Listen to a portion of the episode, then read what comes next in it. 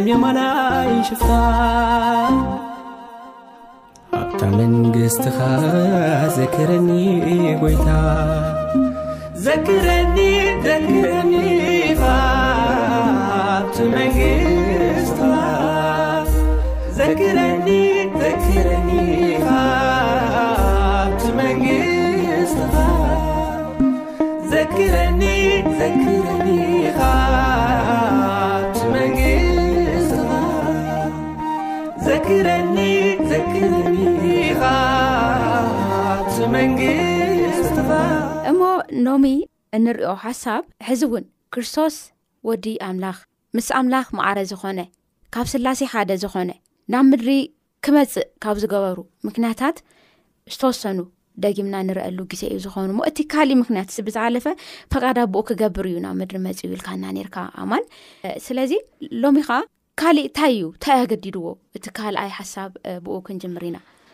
እቲ ካልኣይ ሓሳብን ትዋና ሓሳብን ዝህቦ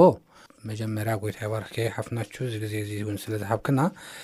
እቲ ካልኣይ ሓሳብ ዋና ሓሳብ ካልኣይን ዋና ሓሳብን ንብሎ ኣብ መፅሓፍ ቅዱስ እንሪኦ ሓጢኣተኛታት ምእንቲ ከድሕን እዩ መፅዩ ሓጢኣተኛታት ከድሕን እዩ ሕጂ እዚ ሓሳብ እዚ ክንሪኦ ከለና እዚ ጥቕስታት እዚ ክንሪኦ ከለና ብመጀመርያ ኣበይ ኩነታት ኢና ነርና ሓጢኣት ናብ ከመይ ዓይነት ደልሃመት ናብ ከመይ ዓይነት ፀልመት እዩ እቲና ዝብል ኩነታትና እውን እናተረዳእና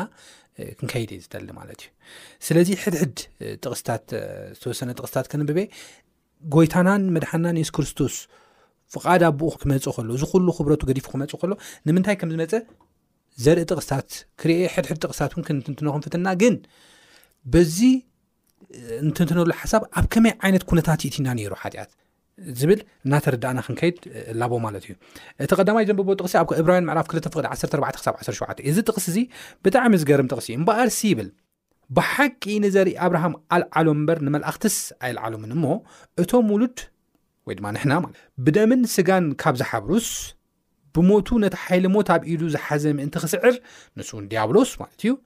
ነቶም ብፍርሃት ሞት ብዘሎ ዘመኖም ብባርነት ተታሒዞም ዝነበሩ ኩላቶም ሓራ ምእንቲ ከውፅኦም ኢሉ ንሱ እውን ብኡ ሓበሮም ይብለና ስለዚ ነቲ ሓጢኣት ህዝቢ ምእንቲ ከተዓርቕ ብናይ ኣምላኽ ዘበለ ደንጋፅ ሙሉ ከካናት ምእንቲ ክኸውን ብኩሉ ነቶም ኣሕዋቱ ክመስሉ ተገብኦ ይብለና ስለዚ ኣብዚ ብዛዕባ ናትና ኩነታት እንታይ ይዛረብ ዘሎ ክንብል ከልና ብዘመና ኩሉ ብዘመና ኩሉ ብናይ ፍርሃት ሞት ባርነት ተታሒዝና ዝነበርና ሰባትና ሓጢኣት ንደቂ ሰባት ካብ ዘምፀሎም ሓደ ዓብዪ ክውገድ እውን ዘይከኣለ ብናይ ሰብ ዓቕሙ መፍትሒ ክረክብ ዘይከኣለ ብናይ ሰብ ዓቕሙ መፍትሒ ክረክብ ዘይከኣለ ሸክሚ ዝደርበየሎም ተሃለዎ እንታይ እዩ ሞት እዩ ሰብ ብሰለሰ መንገዲ ክመት ትኽእል እዩ ካብ ሞት ከምልጥ ዝኽእል ሰብ የለን ብሰለሰ ነገር ኣትሊስት ብሕማም ጥዑይ ኮይኑ እንተ ነይሩ ውን ጥዑይ በቃ እዚ ጥዑይ እዩ ምንም ሕማም ኣይተንከፎን ኢልና እተ ኢልና ካብ ሕማም ተምሊጡ እውን ብምንታይ ክመት ክእል እዩ ባዕሉ እርጋን እርጋን እርጋን ሰብ ዕድመ እናወሰኪ ከይድ ከሎ እንታይ ክገብር ይክእል እዩ እቲ ናቱ ነርቭታት እቲ ናቱ ናይ ደም ሰርኩሌሽን ብምሉ እንታይ እናገበረ እዩ ዝኸይድ እቶም ኣብ ውሽጢ ዘለዉ ኣካላትና ከም በዓል ፀላም ከብዲ ልቢ ከምኡ ኮላሊት ገለመልታት ፈይል እናገበሩ ስርሖም እናቋረፁ እናወደቑን እዮም ዝኸዱ ማለት እዩ ካብዚ ምሊጡ ካብ እርጋንን ካብ ሕማምን ኣምሊጡ እንተ ኢልና ከዓ ብመኪና ሓደጋ ወይ ድማ ብናይ ውግእ ሓደጋታት እውን ክመውት ክእል እዩ ማለት እዩ ስለዚ ሰብ ካብ ሞት ከምልጥ ኣይክእልን እዩ ዝተሓፅረ እዩ ብሞት ተሓፅረ ሰብ እዩ ስለዚ ኩሉ ግዜ ክመውት እየ ብዝብል ፍርሓት ባርነት ተታሒዝና ዝነበርና ሰባት እዩ ስለዚ ንዓና ሓራ ምእንቲ ከውፅእ እዩ ጎይታና የሱስ ክርስቶስ እንታይ ገይሩ ዝብለና ዘሎ መፅዩ ዝብለና ዘሎ ክመፅእ ከሉ ከዓ ክመፅእ ከሉ ከዓ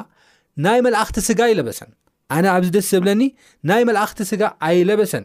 ብሞቱ ነቲ ሓይሊ ሞት ኣብ ኢዱ ዝሓዘ ምእንቲ ክስዕር ንሱ ዲያብሎስ ማለት እዩ ክስዕር ኢሉ ወይ ድማ ንዓና ሓራ ከውፅ ኢሉ ንሱ ብኡ ሓበሮም ልክዕ በቲ ንሕና እንቃለሰሉ ዘለና ምስ ሓጢኣት ምስ ዲያብሎስ እንቃለሰሉ ዘለና ቃልሲ ኣንደርስታንድ ገይሩ ተረድዩ ሓራ ምእንቲ ከውፀና ብኩሉ መንገዲ ንዓና ከም ዝመሰለ ደካማ ስጋ ከም ዝሓዘ ብሓጢኣት ዝበስበሰ ስጋ ከም ዝሓዘ ባይዘወይ ኣብዛ ሓደ ክህቦ ዝደለ ሓሳብ እንታይ እዩ ሊቀ ካህናት ክኾነልና ዝኸኣለ ሓደ የሱስ ክርስቶስ ሓደ ብዓብዪ እቲ ዓብዪ ምክንያት ሊቀ ካህናት ክኾነልና ዝኸኣለ ዋና ምክንያት እውን ስለ ዝርዳእ እዩ እቲ እቲ እቲ ሽግርና እቲ መከራና ፀፅዩ ስለ ዝፈልጥ እዩ ማለት እዩ ስለዚ ብኩሉ ሓቢሩ በቲ ዝሓለፍናዮ መከራ ሓሊፉ እቲ ናይ ሞት ሓይሊ ኣብ ኢዱ ሒዙ ዘሎ ዲያብሎስ ንዕኡ ስዒሩ ነቲ ናይ ሞት ሓይሊ እውን ሰይሩ ሓረ ከም ዘውፃና ኢና ንርኢ ስለዚ ብክርስቶስ ዝኣመኑ ብመንገዱ ንዝኸዱ ሰባት ኩሎም ሓራ ወፂኦም እዮም እንተ ሞት እኳ ክትንስኦም እንተ ሞት እኳ ክትንስኦም ትንሳኤ ኣሎ ሞት ስዒሮም ክትሱ እዮም እዚ ሰፊሕ ኣርእስ ናይ በዓሉ ዝክኣለ ስለ ዘለዎ ክትንትኖ ኣይደልኒ ስለዚ ካብዚ ናይ ሞት ባርነት ከውፅእ ካብ ሞት ነቲ ናይ ዲያብሎስ ሓይሊ ድማ ክስዕር የሱስ ክርስቶስ ከም ዝመፀ ኢና ንርአ ማለት ካብዚ ብተወሳኺ ተሎተሎ ኢለ ከንብብ ዝደልዮ ነገራት ኣሉ ኣብኡ ኣብቲ እብራውያን ምዕራፍ 9 ፍቅሪ 26 ን ተመሳሳሊ ሓሳብ እዩ እንርኢ ማለት እዩ እብራን ምዕራፍ ትሽዓተ ፍቕዲ ዕስራን ሽዱሽተን ከምቲ ንሱ ሓንሳእ ሙማት ብድሕሪኡን ፍርዲ እተሰርዖ ከምኡ ኸዓ እቲ ንሓጢኣት ብዙሓት ከርሕቕ ኢሉ ሓንሳእ እተሰውኦ ክርስቶስ ንምድሓን እቶም ጽበዮ ካልኣይ ግዜ ብዘይ ሓጢኣት ክግለጽ ይብለና ስለዚ ሓጢኣት ምእንቲ ከርሕቕ ሓጢኣት ምእንቲ ከርሕቕ ክርስቶስ ከም ተሰውኦ ሓንሳእ ከም ተሰውኦ ኢና ንርኢ ኣብዚኣ ንሪኣ ነገር ድማ ክርስቶስ ካልኣይ ግዜ ዝስዋእ ነገር የለን ንኻልኣይ ዝተቐርበ እንታይ ሽሙ ሓደ ዕድል እዩ ተዋሂብና እዚ ዕድል እዚ ክንጥቀመሉ ከም ዘለና ኢና ንርኢ ግን እቲ ናይ የሱስ ክርስቶስ ኣማፃፃ እቲ ናይ የሱስ ክርስቶስ ውልደት ዘርእየና ሓደ ዓብዪ ምክንያት ንዓና ከድሕን ከም ዝኾነ ካብ ምንታይ ከድሕን ሓደ ካብ ናይ ሞት ፍርሓት ባርነት ካልኣይ ካብ ሓጢኣት ሳልሳይ ድማ ምስ ዝተተሓዘ ብርግፅ ኣብ ቀዳማይ ጢሞቴዎስ ምዕራፍ ሓደ ፍቅዲ 15 ዘሎ እዩ ኩሉ ክቕበሉ ዝኽእል ዝግባእ ቃል ይብለና ጳውሎስ እዚ እውን ናይ ጳውሎስ ቃል እዩ ቁፅሪ 15 እንታይ ይብለና ክርስቶስ የሱስ ነቶም ኣነ እዚ ቀዳማውያን ሓጥኣን ከድሕን ከም ዝመፀ እዚ ቃል እዚ እሙን እዩ ምቕባሎም ብኩሉ ግቡእ ይብለና ነቶም ኣነ እዚ ቀዳማውያም ሓጥኣን ከድሕን ከም ዝመፀ ካብ ምንታይ ካብ ሞት ፍርሓት ባርነት ካብ ሞት ባርነት ካብ ዲያብሎስ እስራት ከምኡውን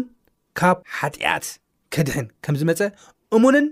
ምቕባሉን ብኩሉ ግቡእን እዩ ይብለና ጳውሎስ ንጢሞቴዎስ ክዛረቦ ከሎ ማለት እዩ ስለዚ እሙን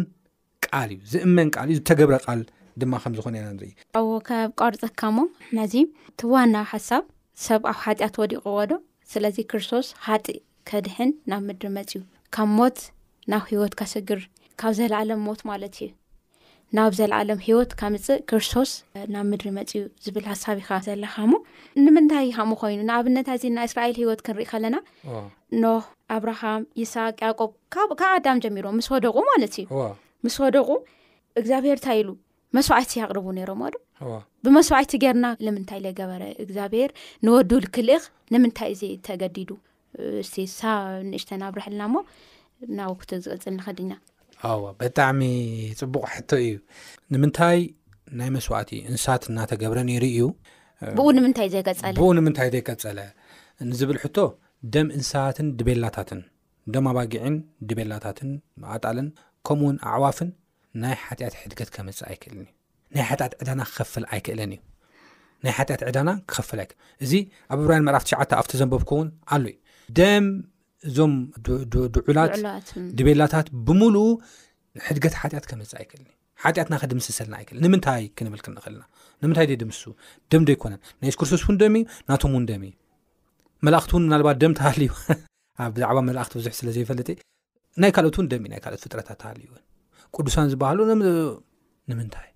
ክንብል ንክእልና እቲ ሓደን ዓበ ምክንያትን ከድና ክንርእ ከለና ክርስቶስ ናይ ባዕሉ ሂወት ካብ ማንም ዘይተለቅሓ ካብ ማንም ዘይወሰዳ ናይ ባዕሉ ሂወት ኣላ እዛ ሂወት እዚኣ ዩ ከዓ ከፍ ኢልዋ ፍጥረታት እግዚኣብሄር ግን ብምሉኣትና ካብ ደቂ ሰባት ጀሚርና ናብ እንስሳት ንኸድ ካልኦት ፍጥረታት ዋላ ኣማልኽቲ ንበል ብምልኦም እዞም ፍጥረታት ብምልኦም ናይ ባዕልና ህይወት የብልናን እንኸፍላ ህይወት የብልና ናይ ባዕልና ንብላ ንኽፍላ ህይወት የብልና እታ ዘላትና ህይወት ናይ እግዚኣብሔር ህይወት እያ ጎይታ ንኽንነብር ዘካፈለና ህይወት እያ ናይ ባዕልና ህይወት የብልና እቲ ምስጢር እዚ እዩ ማለት እዩ ናይ ባዕሎም ህይወት ክኸፍልዋ ዝግብኦም የላን ናይ የሱ ክርስቶስ ግን ናይ ባዕሉ ህይወት ኣላ ክብለኪ ፈቱ ማለት እዩ ምናልባት ትሕቶኺ ተረኺበ ማለት እዩ ክልተ ጥቕሲ ከንብብሞ ሓሳባተይ ከጠቓልሎ ካብዚ ድማ እንምሃሮ ሓሳብ ርእ ከጠቓልል ይፈቱ እቲ ቀዳማይ ኣብ ማርቆስ ምዕራፍ ምዚ ሕጂ ተዛረብክኒ ኣብ ማርቆስ ምዕራፍ 1 ፍቕዲ 45 ዘሎ እዩ ከምዚ ድማ ይንበብ ማርቆስ ምዕራፍ 1 ፍቕዲ 45 ንብዙሓት ይብል በጃ ንክኸውን ንብዙሓት ምእንቲ ከድሕን ዝፈሰሰ ደም ምዃኑ ይዛረበና እስከ ንርኣዮ ወዲ ሰብ ድማ ከገልግል ህይወቱ ድማ ወይ ድማ ህይወቱ እውን በጃ ብዙሓት ክህብ እምበር ከገልግልዎ ኣይመፀን ይብል እዛ ህይወቱ እውን በጃ ብዙሓት ክህብ ዝብል ቃል ህይወቱ በጃ ብዙሓት ህይወቱ ስለ ብዙሓት ክኸፍል ከም ዝመፀ ኢና ንርኢ እዚ ራንሰም ዝብል ቃል ኣለዎ ናይ እንግሊሽና ማለት እዩ ራንሰም ዝብል ቃል ኣለዎ እዚ ራንሰም ማለት ዝኽፈል ማለት እዩ ንመን እዩ ዝኽፈል ንምንታይ እዩ ዝኽፈል ዝብል ሕቶታት ክልዓል ይኽእል እዩ እቲ ዋና ዕላምኡ እንታይ እዩ ሂወቱ በጃ ብዙሓት ክኸፍልን እንደገና ድማ ንዓና ከድሕንን ይመፅኡ እዩ ዝብል ዘሎ ኣብዚ ቃል እዚ ናትና ኩነታት ሓጢኣት ምስራሕና ሓደ ሰብ ጥራሕ ኣይኮነን ወይ ክልተ ሰብ ጥራሕ ኣይኮነ ሓደ ብሄር ጥራሕ ኣይኮነን ወይ ድማ ክልተ ብሄር ጥራሕ ኣይኮነን ሓደ ሃገር ጥራሕ ኣይኮነን ወይ ድማ ክልተ ሃገር ጥራሕ ኣይኮነን ኩሎም ሓጢኣት ሰሪሖም ክብሪ ኣምላኽ እውን ስኢኖም እዩ ዝብል መጽሓፍ ቅዱስ ኩሎም ሓጢኣት ሰሪሖም ክብሪ ኣምላኽ እውን ስኢኖም ሓደ እኳ ጻድቕ የለን ይብል ሮሜ 3 1 ከምኡ ሮሜ ምዕራፍ 3 ፍቅሪ 23 ማለት እዩ ስለዚ ሓጢኣት ብምስራሕና ንሕና ሓደ ብሕጊ ተሓተቲ ኢና ርና ብናይ እግዚኣብሔር ሕጊ ነቲ ዘፍረስናዮ ሕጊ ብኡ እንታይ ኢና ነርና ተሓተቲ ኢና ነርና ካልኣይ ሓጢኣት ምስራሕና ርእስና ንዲያብሎስ ሸጥና ነርና ኢና ባሮት ኮይና ነርና ኢና ማለት እዩ ስለዚ ናይ ሓጢኣት ባሮት ስለዚ ጎይታና የሱስ ክርስቶስ ካብቲ ናይ ሕጊ ተጠያቂነት ወይ ድማ ካብቲ ናይ ሓጢኣት ባርነት ንኸውፃና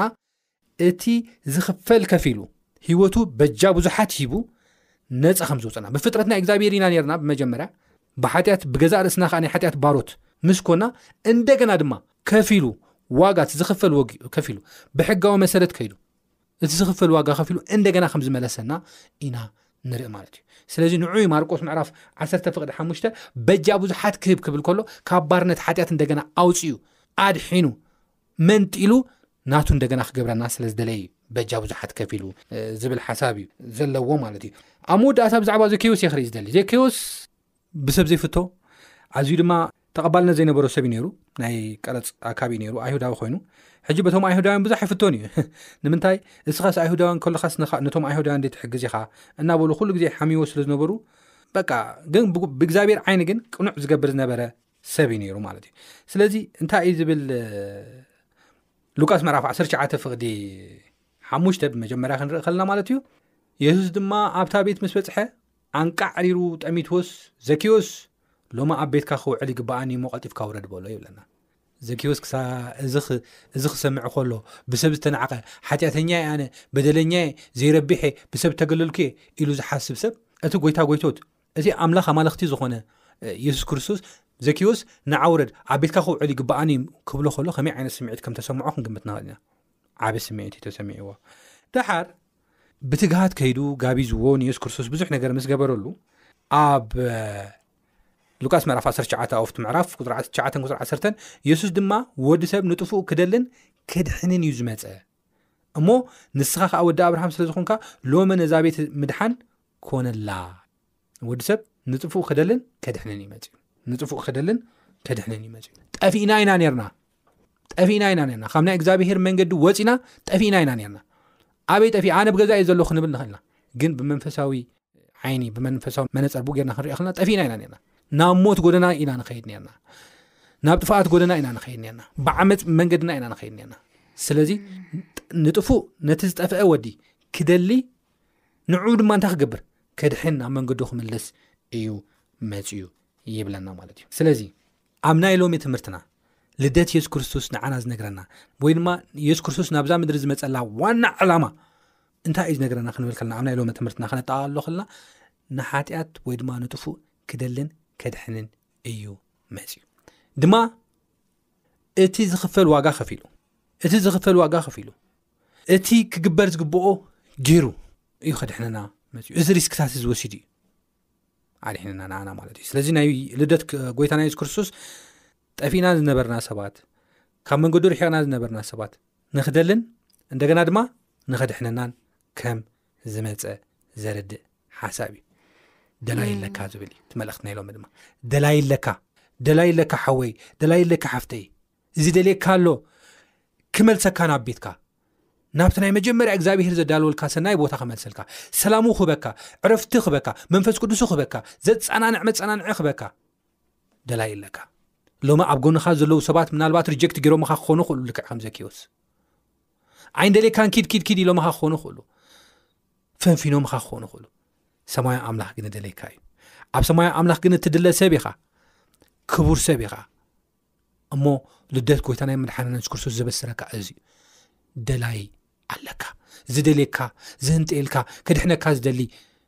ኣብ ሰማይ ከቐምጠካ ኣብቲ ዝኸበረ ቦታ ከቐምጠካ ዝደሊ ጎይታ ኣሎ ልደት ጎይታ ናይ ሱስ ክርስቶስ እዙ ዘበስረካ እሞ እዚኣ ክብል ለለ ሓፍናች ኣሜን እግዚኣብሔር መስገን እዚ ኣዝዩ ኣብይ ነገር እዩ ደላይ ኣለካ እዚ ዝኸበርኩም ሰማዕታዊ ርእስና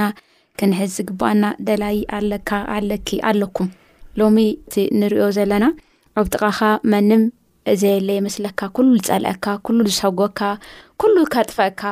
ሰይፊ ዝመዘልካ ኣብ ዝመስለካ ግዜ ደላዪ ኣለካ እዚ እዩ ና ልደት ጎይታና ክርስቶስ የሱስ ዝነግረና እዚ ዓብ እዩ ስለዚ ጥፉኣት ኣይኮንናን መንም ዘይደልየና ኣይኮንናን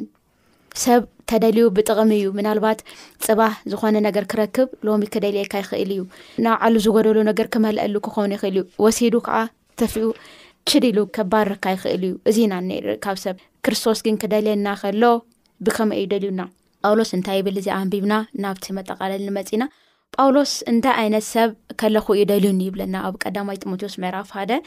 ፈቕዲ ዓሰርተ ክልተ ጀሚርና እስካብ ዓሰርተ ሓሙሽተ ዘሎ ክነንብቦ እሞ እዚ ሓሳብ እዚ ንክነጠቓቐሊል ኢና እንታይ ይብል ጳውሎስ ኣብ ቀዳማይ ጢሞቴዎስ ሓደ ዓሰርተ ክልተ ኣነ ነቲ ሓይሊ ዝሃበኒ ክርስቶስ የሱስ ጎይታና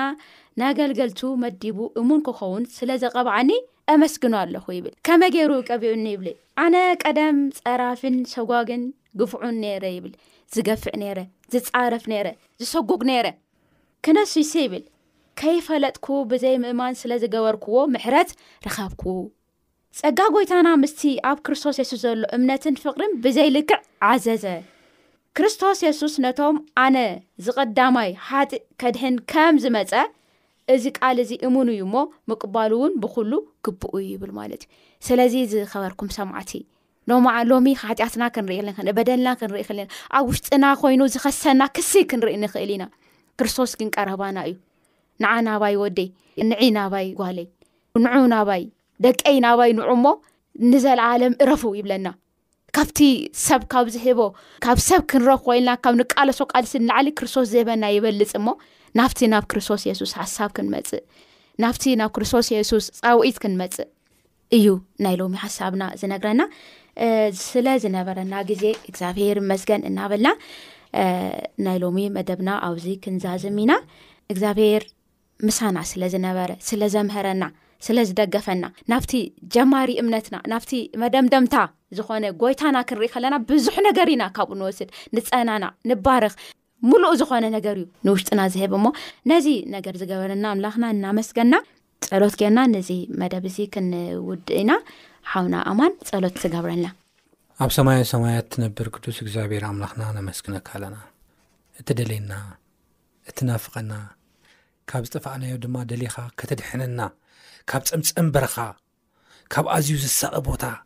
ካብ ኣዝዩ ናይ ሞት ጎደና ክፉእ ናይ ሞት ጎደና ምእንቲ ከደድሕነና እቲ ደልየና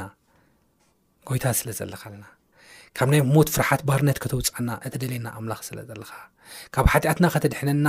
እቲ ደልየና ኣምላኽ ስለ ዘለካ ኦ ጎይታ ነመስግነካ ኣሜን ኣምላኸይ ንሕና ድማ ንጸውዒትካ ሕራይ ክንብል ናባኻ ክንቀርብ ክትደሃየና ከለኻ ብስምና ጸዊዕኻ ንዑ ንዓ ንዒ ክትብለና ከለኻ ኦ ጎይታ ክነዳምጸካ ክንሰምዓካ ናባኻ እና ጎይና ክንምለስ ናባኻ እና ጎይና ክንቀርብ እስኻ ርዳኣና ሰላም ካብ ዝሓልና ኣብ ሃገርና ኣብ ግሊ ህይወትና ኣብ ዘለናዮ ስራሕና ቦታ ኣብ ኩሉ እቲ ኣእምሮ ዝሓልፍ ሰላም ካብዝሓልና ብጎይታና መድሓና ሱ ክርስቶስ ስም ኣሜን ኣሜን ዝኸበርኩም ሰማዕቲ ንሎሚ ዝበልናዮ ሓሳብ እዚ እዩ ነይሩ ኣብ መወዳእታ ኣድራሻና ናባኹም ኣቢልና ክንፈላለዩና ኣድራሻና ቁፅሪ ሳንዱቅ ፖስታና 14ሓሽ ኣዲስ ኣበባ ኢትዮጵያ እዩ ቁፅሪ ስልኪ 09 1 14 51 05 ከምኡውን ኢሜይል ንትጥቀሙ ከኣ ቲ ኣይጂ ሶንግ ኣጂሜል ዶት ኮም ምዃኑ እናዘኻኸርና